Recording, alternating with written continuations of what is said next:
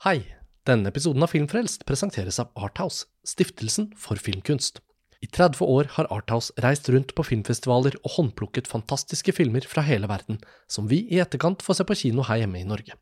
For eksempel Bong Yon-hos Parasitt, Celine Siammas Portrett av en kvinne i flammer og Michael Hanekes Amor. Og i fjor sikret Arthouse seg Ryusuke Hamaguchis Drive My Car på filmfestivalen i Cannes. Og den filmen kan dere se på kinoer over hele landet fra 4. februar.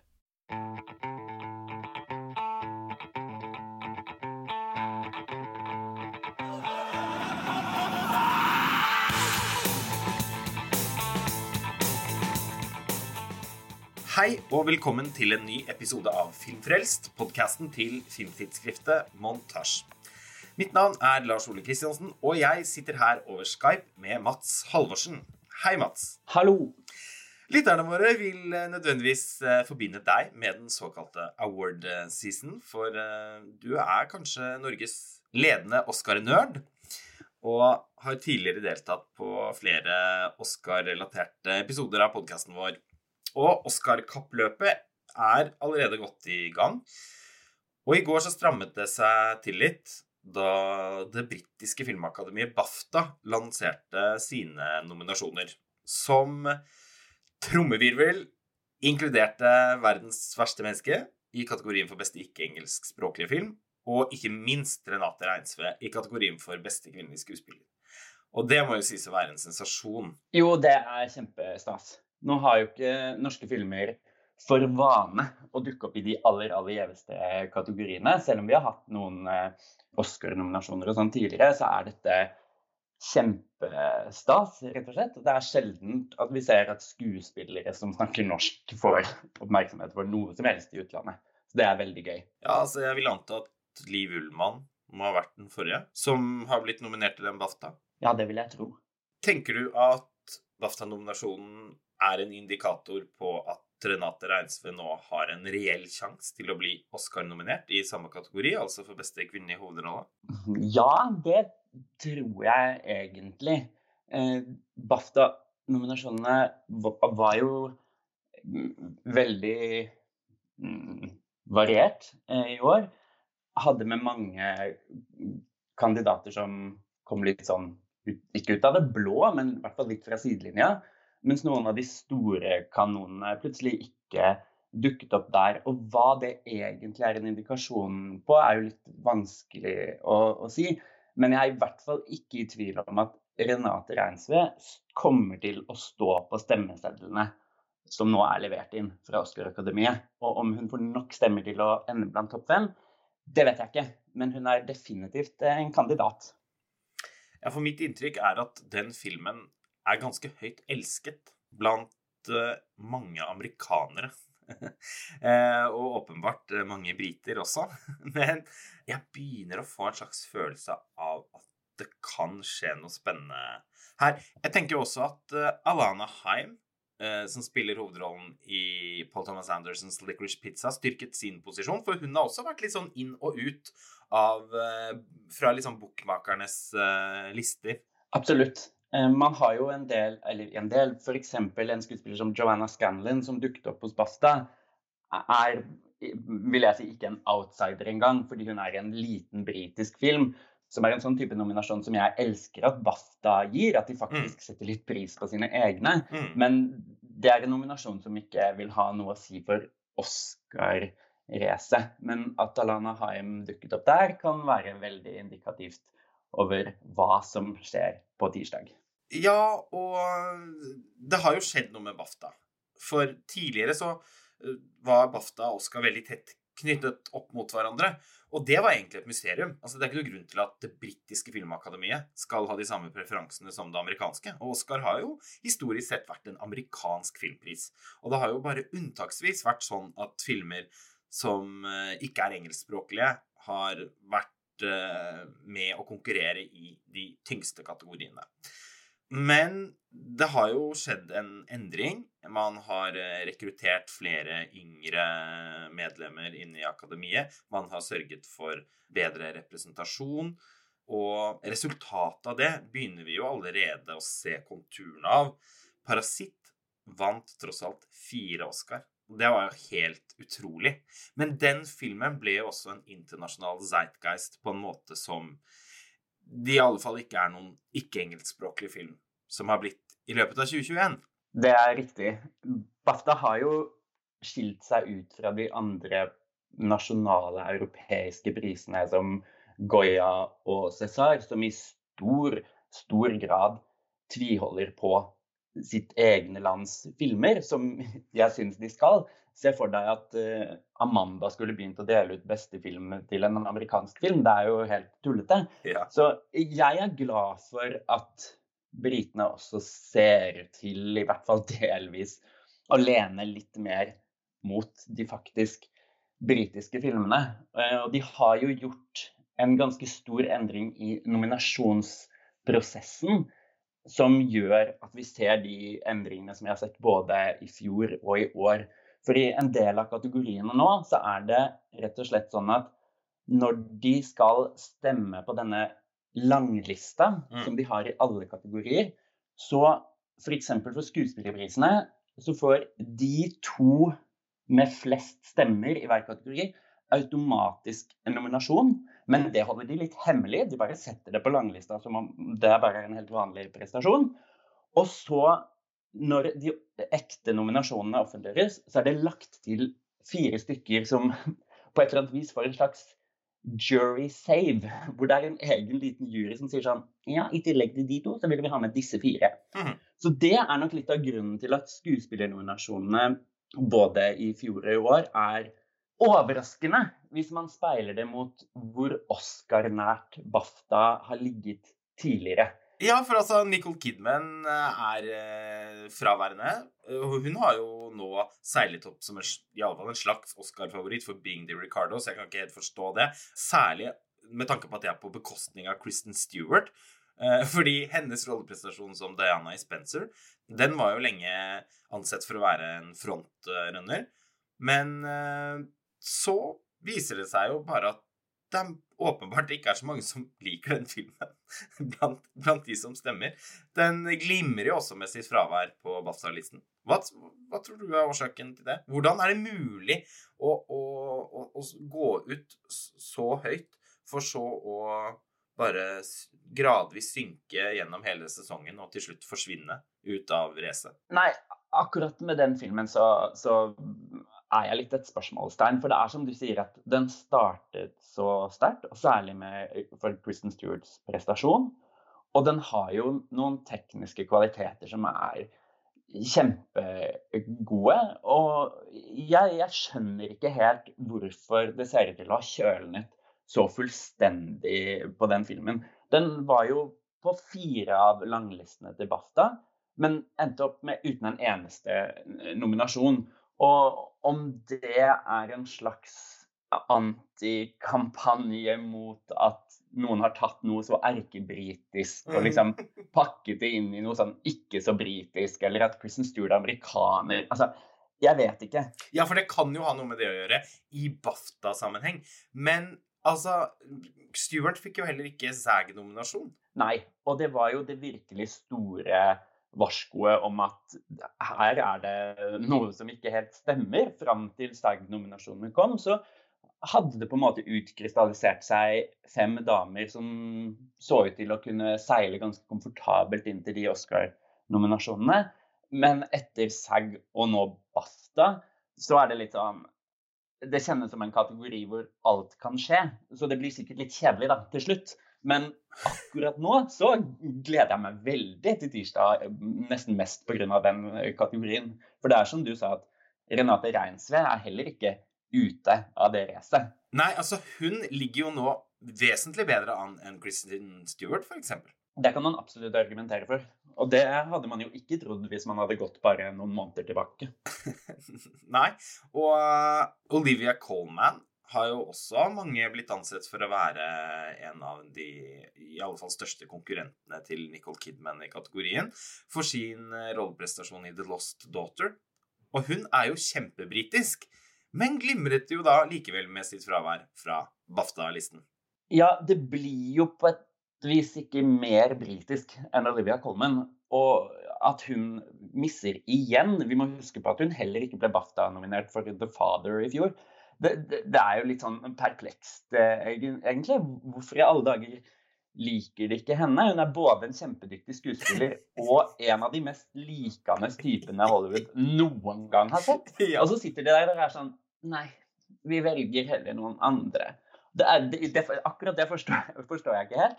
Men hun trengte jo ikke BAFTA-nominasjonen for å lande i Oscar i fjor. Og jeg tror ikke hun trenger BAFTA-nominasjonen i år heller. Nei, jeg føler meg ganske trygg på ja, for. Hva spår du at blir eh, skuespillerne som, som står igjen som Oscar-nominerte? Jeg har notert her at jeg nok til syvende og sist tror at det kommer til å bli Olivia Colman, Nicole Kidman, Lady Gaga for House of Gucci, Alana Haim for Licorice Pizza og Penelope Cruz for Madres Paralelas, med Renate Reinsve som uh, runner-up. Jeg er ganske enig med deg. Jeg har også Coleman, Gaga, Kidman, og nå etter BAFTA har jeg bytta inn Alana Haim. Så har jeg akkurat nå Jessica Chastain for The Eyes of Tammy Faye. Og, fordi at hun har dukket litt opp i alle de andre nominasjonene fram til eh, nå BAFTA. Men jeg tror både Renate Reinsve og Kristen Stewart kan eh, lande der fortsatt. Og så klarer jeg på en måte ikke la være å ha inni hodet mitt at de siste fire årene så har Oscar-akademiet nominert en skuespiller også for beste originale sang. Eh, og vi har den muligheten i år med Jennifer Hudson i Respect. Og, da, og det er jo en helt sånn tullete statistikk, men fire år på rad skal det skje igjen? Jennifer Hudson, som i sin tid tok prisen fra Kate Blanchett uh, og hennes rolleprestasjon i I'm Not There, som jeg aldri kommer til å tilgi henne, dessverre. Nei, så får vi se. Jeg kommer nok til å ha litt vanskelig for å tilgi henne hvis hun sniker seg med i dette Oscar-racet nå, for jeg syns ikke hun har noe der å gjøre målt opp mot eh, de andre vi har snakket om til nå. Men akkurat den lille statistikken der sitter og klør på meg som en klegg, altså. Så jeg klarer ikke helt å legge den bort. Og så må vi snakke om kategorien for beste regissør, som i alle fall overrasket meg veldig. Her har eh, BAFTA virkelig forsøkt å tenke utenfor boksen i år. Ja, sammenlignet med hvor Oscar-nært de har ligget tidligere, så er jo dette helt uh, ut av boksen. Og veldig mange her som kan se langt etter en Oscar-nominasjon. Ja, det tror jeg vi må kan fastslå. Ja, men det hyller jeg jo litt. Og en av grunnene til at vi, vi ser en endring her, er f.eks. det at langlisten til BAFTA i regikategorien krevde at halvparten skulle være kvinnelige regissører. Er det en ny regel? Ja. Oi. Det mm. visste ikke jeg. Jeg antar at den regelen ikke kommer til å bli innført uh, også um, hos Oscar Akademiet, eller hva tror du? Nei, Oscar har jo ikke en langliste i regikategorien sin. De har det jo i noen kategorier, men av de aller største så har de ikke det. Nei. Så det er litt vanskelig for å se de innføre det som et krav på noe vis. Men BAFTA har jo langlister i alle kategorier, så de har innført den regelen. Og det er jo på en måte litt fint at når de først har det, så reflekteres det faktisk også i nominasjonene. Mm. Snarere enn at man skulle hatt 15 damer å velge mellom, og så ble det allikevel seks menn. Mm. Så, sånn sett så er det jo, jo, fint, da. For jeg vil jo si at eh, f.eks. Julia Ducournau har noe å gjøre på en reginominasjonsliste. Definitivt. altså Det er jo kjempekult at hun er nominert til BAFTA. Kommer aldri i verden til å bli nominert til eh, Oscar. Hun har uansett vunnet Gullpalmen, og det er en kulere pris enn noen av de andre. Men eh, jeg ble nok enda mer overrasket over å se Audrey Divan her for Happening. Svært fortjent. En veldig god film som eh, jeg hadde gleden av å se under filmfestivalen i Tromsø for et par uker siden. Og eh, det som egentlig da imponerte meg aller mest ved den, var nettopp regien. Så det er, det er jo kjempegøy å, å, å, se at BAFTA følger så godt med. Uh, Rusiko Hamaguchi for Drama Car, ikke like overraskende. Han kan tross alt også finne på å bli Oscar-nominert. Men Aleem Khan for After Love uh, det, er, altså, det, er, et navn jeg ikke har sett blitt diskutert i, under award season overhodet. Var det like overraskende for deg, Mats? Både og. Det er jo på en måte den britiske indie-favoritten i år. Jeg så den på Biff og syns det er en kjempefin film. Og den har jo også sneket seg med i en del andre kategorier, bl.a. for beste kvinnelige hovedrolle.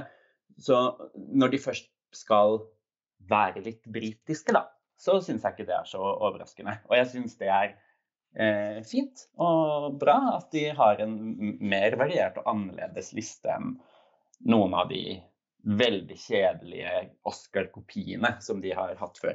Ja, og det har jo alltid vært litt meningsløst. Så det er jo veldig sunt og bra å tenke at de prisene blir mer forskjellige. Samtidig så, så, så, er jeg jo litt sånn lettere bekymret for at Oscar etter hvert skal i for stor grad bli en internasjonal filmpris. For jeg har alltid følt at det naturlige for Oscar er å være en amerikansk filmpris. Eh, for hvis ikke så havner vi i en situasjon der de to viktigste filmprisene i verden, Oscar og Gullpalmen i Cannes, blir for like. Jeg er helt enig. Jeg tror ikke Oscar vil være tjent i det lange løp med å bli for internasjonal. Jeg var i likhet som deg veldig fornøyd da 'Parasitt' eh, nesten gjorde rent bord i sitt år. Mm. Men hvis de på en måte skal ha en, en viktig relevans også sånn blant folk, så trenger de jo litt at eh, Ola Nordmann og Johnny American har sett disse filmene. Og selv om 'Parasitt' gikk for fulle hus her i Norge, så har ikke hele Norge sett den filmen heller. Og i hvert fall ikke alle amerikanere. Så hvis Oscar også nå skal bli en sånn derre internasjonal Indie Art House-festival, så tror jeg de kommer til å miste litt av relevansen sin på et vis, altså. Oppslutningen rundt fjorårets utdeling var rekordlav. Men det er kanskje ikke så rart, med tanke på at den uh, fant sted uh, under pandemien og var nødt til å tilpasse seg på så mange måter at magien liksom bare forsvant helt. Eller hva, hva syntes du, Mats? Jo, det var jo lite show. Så med mindre man er veldig engasjert og interessert i Oscar som Oscar, så er det klart at da er det tre ganske lange timer å sitte og se på. Og veldig mange sånne moraliserende taler som jeg blir så provosert av. For jeg tenker at dere er så sinnssykt rike og privilegerte at dere mest av alt bare burde si tusen takk og holde kjeft. Ja, helt enig. Jeg syns det er mye morsommere med de talene som er litt sånn tullete som når Olivia Colman vinner, og, og, på en måte er eh, ektefølt overrasket og glad, og, og, og, bare så Olivia Colman som hun kan være, enn ja. de som skal stå der oppe og belære oss om ting. Det er sånn oh, fått... please, slutt med det! Jeg tror også det går utover seertallene. Det er ingen som liker det. Vi har lyst til å se Jack Nicholson sitte med solbriller på første rad. Absolutt. Man så jo backlashet Tom Hiddleston fikk da han vant sin Golden Globe, og benyttet den til å snakke veldig mye om en eller annen sånn politisk sak som ikke jeg orker å prøve å erindre engang, for det var så kleint. Det er ingen som vil ha det.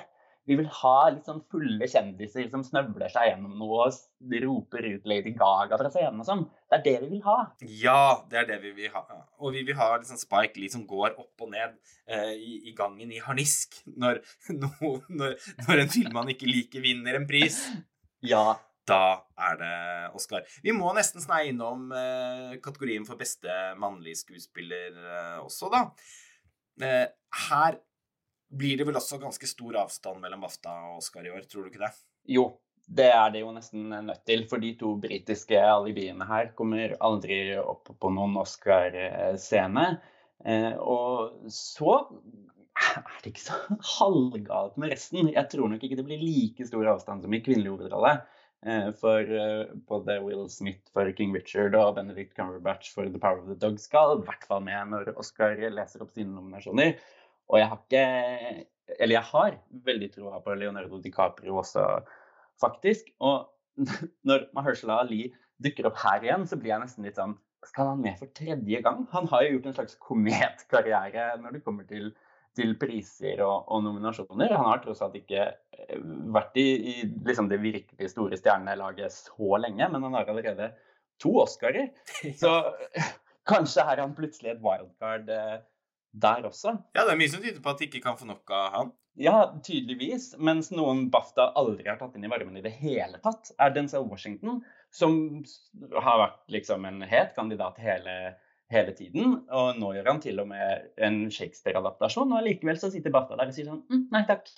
Og det er jo eh, merkelig. Null BAFTA-nominasjoner har han. Men en Oscar-nominasjon tror jeg det blir eh, allikevel. Ja, fordi eh, da kan jo jeg avsløre hvilke jeg per nå tror at kommer til å bli Oscar-nominert.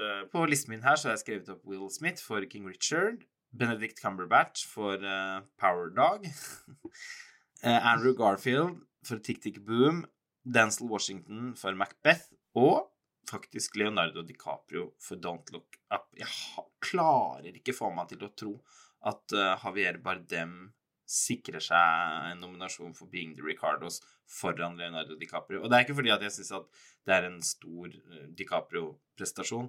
Jeg bare tror at han er så høyt elsket, og den filmen tross alt er så populær, at, uh, at han bare må med. Det er som om jeg skulle sagt det selv, Lars Ole. Jeg har akkurat de samme, og akkurat de samme vurderingene. Så enig.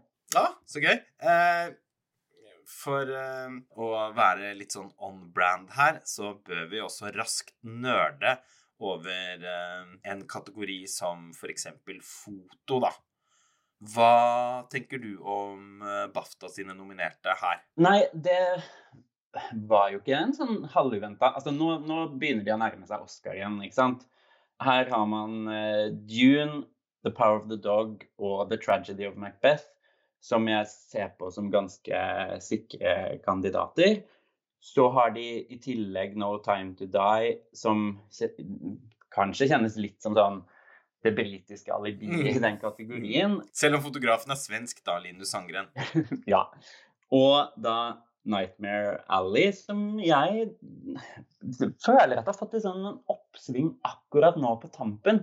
Så det er en film som jeg i utgangspunktet var litt sånn skeptisk til i Oscar-sammenheng. Ja, den er jo så kjedelig, så Ja, altså, er, men så er det Guillermo del Toro da, som har hatt ganske stor suksess eh, i Oscar-sammenheng tidligere. Eh, og nå føler jeg litt at den har fått et oppsving.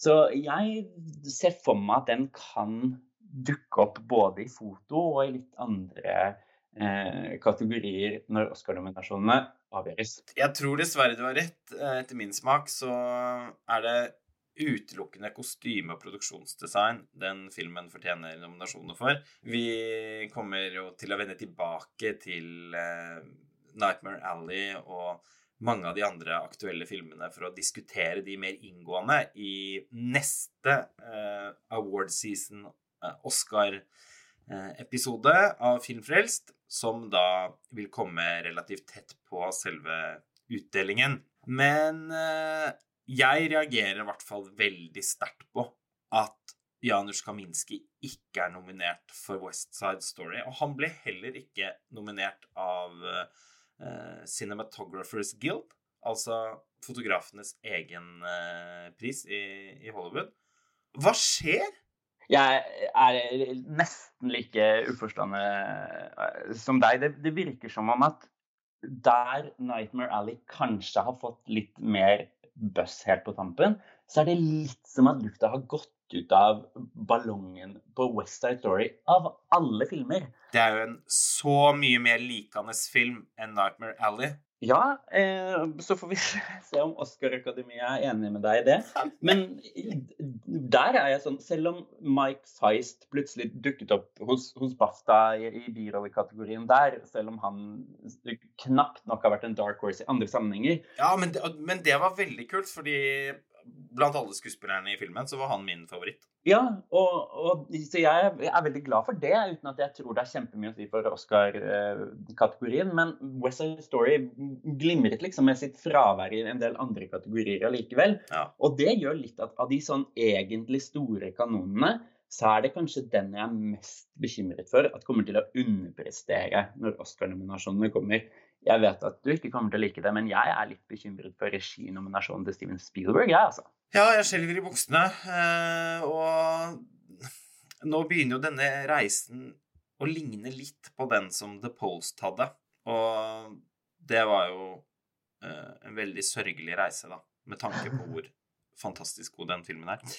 Jeg må jo også si at jeg syns det blir helt sånn tøvete at ikke Licorice Pizza er nominert. da. Det virker jo faktisk som at fotografene selv per i dag i all hovedsak foretrekker å nominere filmer som er skutt på digital video. Jeg vil tro at årsaken er at de aller fleste fotografene i dag bare jobber på digital video, og da er det på en måte det de, de ser etter. Uh, at man liksom tenker på analog film som noe musealt, eller jeg vet ikke. Det er jo i alle fall sjokkerende at uh, de absolutt mest virtuost fotograferte filmene, som er en del av liksom kappløpet, da, West Side Story og Licorice Pizza, ikke er nominert. Altså, det er nesten ikke til å tro.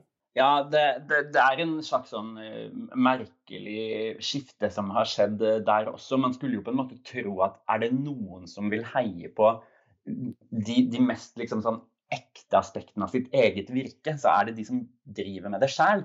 Men jeg tror du har et godt poeng der når det gjelder Oscar-nominasjonene som er på vei. at når de stemmer over nominasjonene der, så har de liksom sine egne grener av akademiet som stemmer i de kategoriene. Så det er ikke sånn at en eller annen skuespiller sitter og nominerer eh, til beste foto.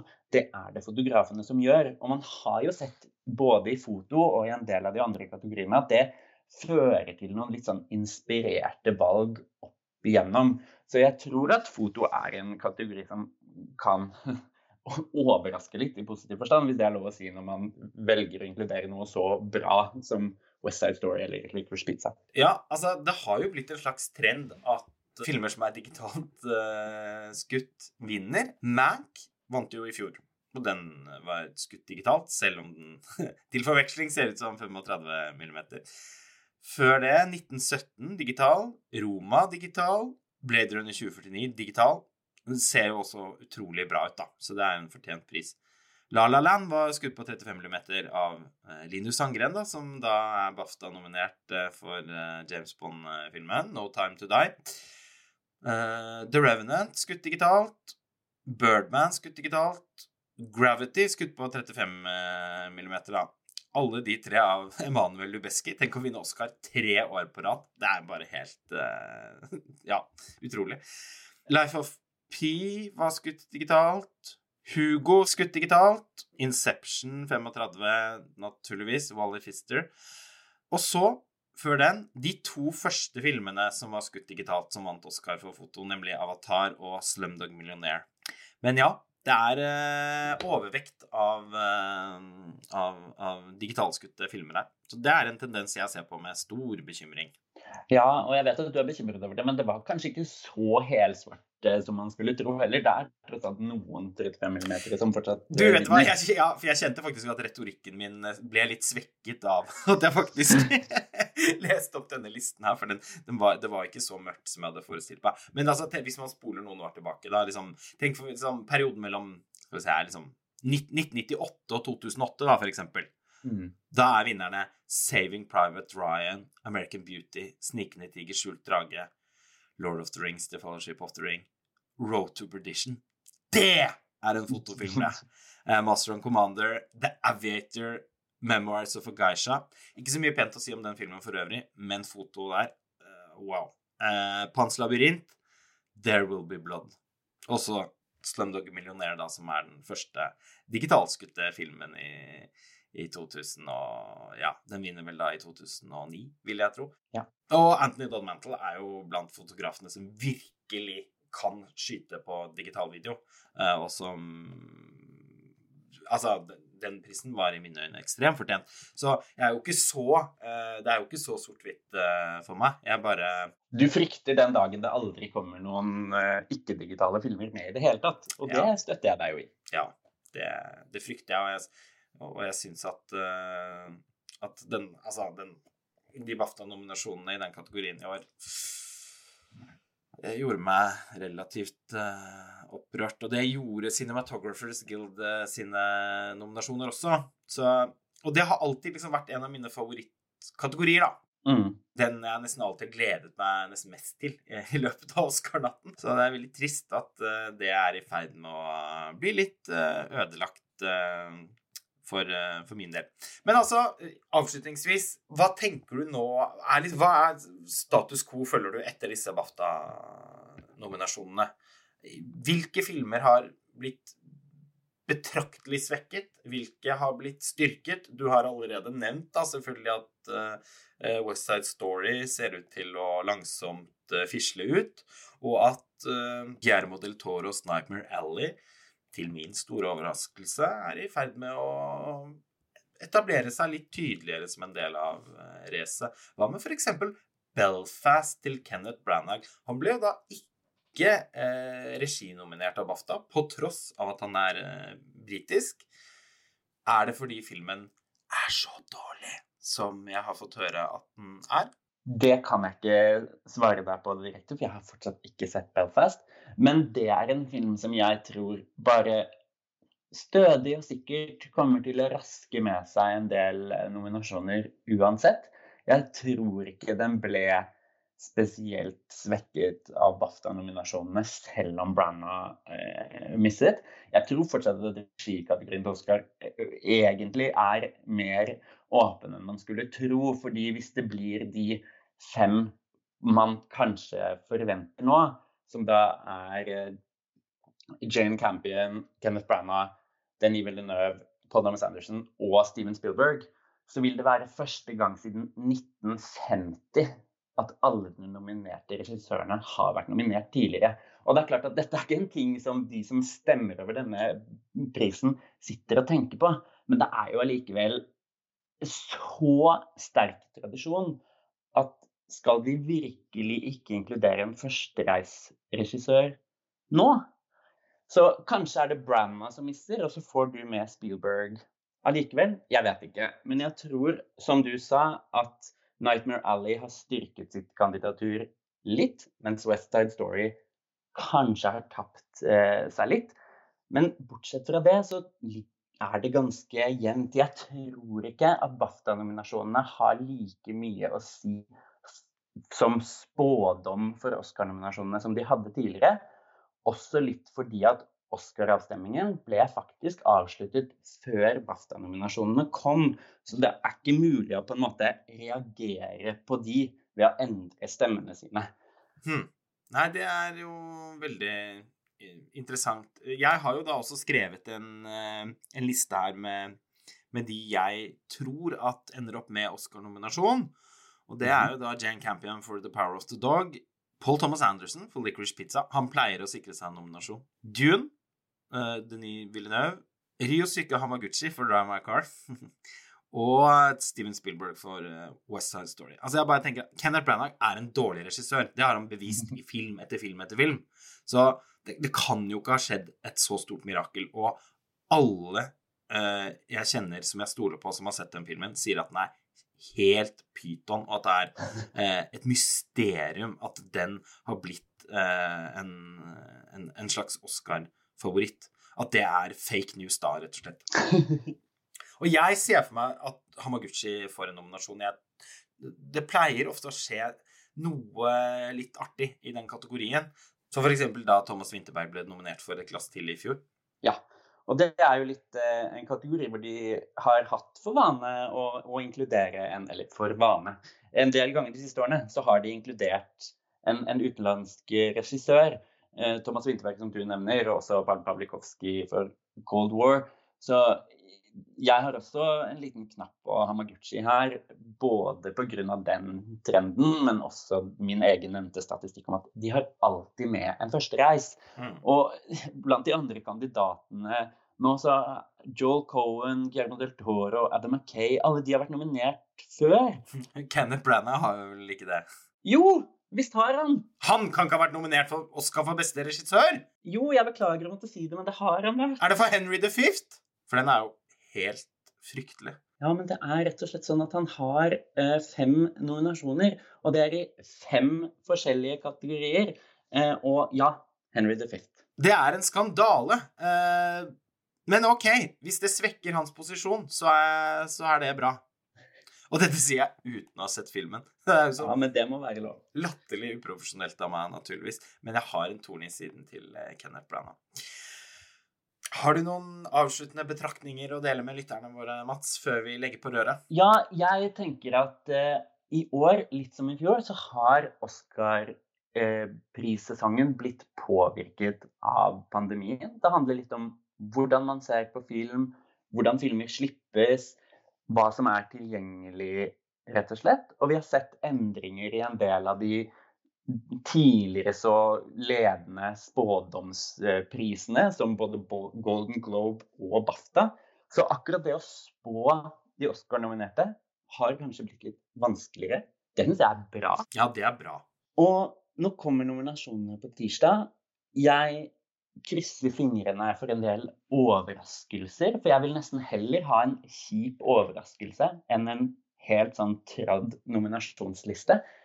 Og uansett hva, så er nesten det viktigste å tenke på i alt dette at til syvende og sist så er Oscar også bare tøys og Mm. gøy. Mm. Så man må kose seg litt med de gullkornene man finner, velge seg noen å heie på. Og så må man bare ta de tullenominasjonene med en klype salt, også når det går utover noen man virkelig liker.